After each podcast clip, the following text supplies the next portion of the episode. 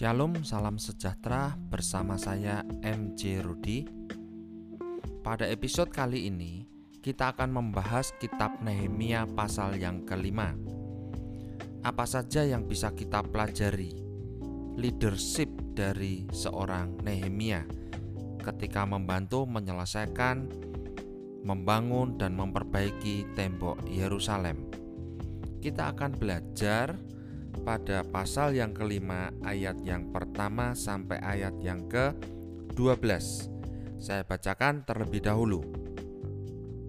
Nehemia memperhatikan keluhan-keluhan sesama orang Yahudi. Maka terdengarlah keluhan yang keras dari rakyat dan juga dari pihak para istri terhadap sesama orang Yahudi. Ada yang berteriak, anak laki-laki dan anak perempuan kami banyak, dan kami harus mendapat gandum supaya kami dapat makan dan hidup. Dan ada yang berteriak, "Ladang dan kebun anggur dan rumah kami gadaikan untuk mendapat gandum pada waktu kelaparan." Ada juga yang berteriak, "Kami harus meminjam uang untuk membayar pajak yang dikenakan raja atas ladang dan kebun anggur kami." Sekarang, walaupun kami ini sedarah sedaging dengan saudara-saudara sebangsa kami dan anak-anak kami sama dengan anak-anak mereka, namun kami terpaksa membiarkan anak-anak lelaki dan anak-anak perempuan kami menjadi budak. Dan sesudah beberapa anak perempuan kami harus membiarkan diri dimiliki orang. Kami tidak dapat berbuat apa-apa karena ladang dan kebun anggur kami sudah di tangan orang lain. Ayat yang keenam, maka sangat marahlah aku ketika aku dengar keluhan mereka dan berita-berita itu. Setelah berpikir masak-masak, aku menggugat para pemuka dan para penguasa. Kataku kepada mereka, masing-masing kamu telah makan riba dari saudara-saudaramu. Lalu kuadakan terhadap mereka suatu sidang jemaah yang besar. Berkatalah aku kepada mereka, "Kami selalu berusaha sedapat-dapatnya untuk menebus sesama orang Yahudi yang dijual kepada bangsa-bangsa lain. Tetapi kamu ini justru menjual saudara-saudaramu supaya mereka dibeli lagi oleh kami." Mereka berdiam diri karena tidak dapat membantah. Kataku, tidaklah patut apa yang kamu lakukan itu. Bukankah kamu harus berlaku dengan takut akan Allah kita untuk menghindarkan diri dari cercaan bangsa-bangsa lain, musuh-musuh kita? Juga aku dan saudara-saudaraku dan anak buahku telah membungakan uang dan gandum pada mereka. Biarlah kita hapuskan hutang mereka itu.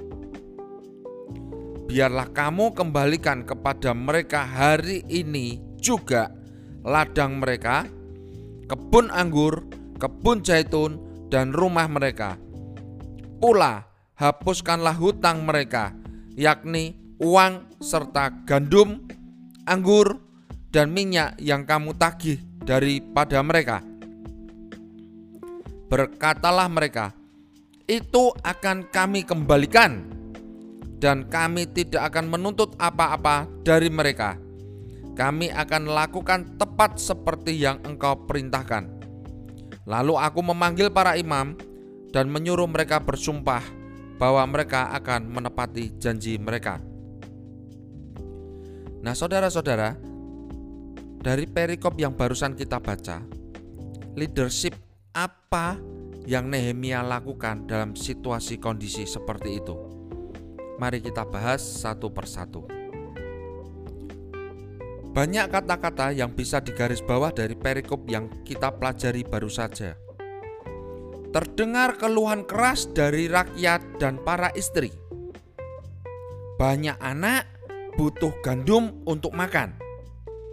Harta benda digadekan untuk makanan.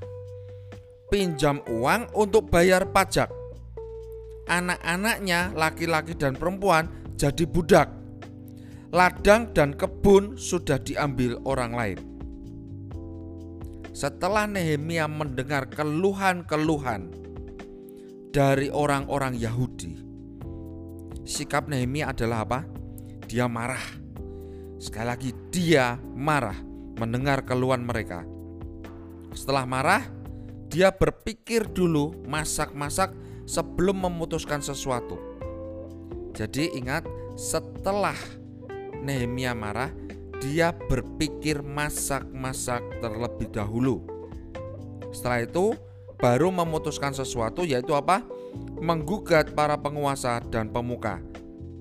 Yang intinya dari perkataan Nehemia adalah mungkin kalau bisa saya kasih perikop, jangan jual saudaramu. Lalu setelah itu Nehemia memberi nasihat atau perintah untuk membebaskan semua hutang dan mengembalikan ladang kebun dan rumah. Dan yang kita bisa pelajari berikutnya adalah submission dari para penguasa dan pemuka. Karena apa?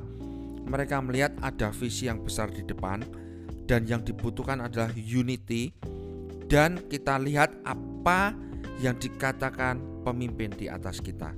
Ketika kita bisa melihat, kita bisa submit, mereka melakukan tepat seperti apa yang pemimpin minta. Ayat 12 jelas dikatakan, Berkatalah mereka, mereka itu pemimpin dan pemuka. Itu dan penguasa ya, itu akan kami kembalikan dan kami tidak akan menuntut apa-apa daripada mereka. Kami akan lakukan tepat seperti yang engkau perintahkan. Ya. Kalau kita bisa pelajari Nehemia pasal kelima ayat 1 sampai 12 saya bisa kasih lesson yang pertama yang kita bisa pelajari adalah Nehemia menyelesaikan masalah internal orang Yahudi. Jadi setiap ada masalah internal, sebelum kita melangkah lebih jauh, selesaikan dahulu. Selesaikan dahulu. Ketika internal masalahnya sudah selesai, internal kuat, kita baru bisa melangkah lebih jauh. Terima kasih saudara-saudara. Semoga podcast kali ini memberkati saudara semua. Terima kasih. Tuhan Yesus memberkati. thank you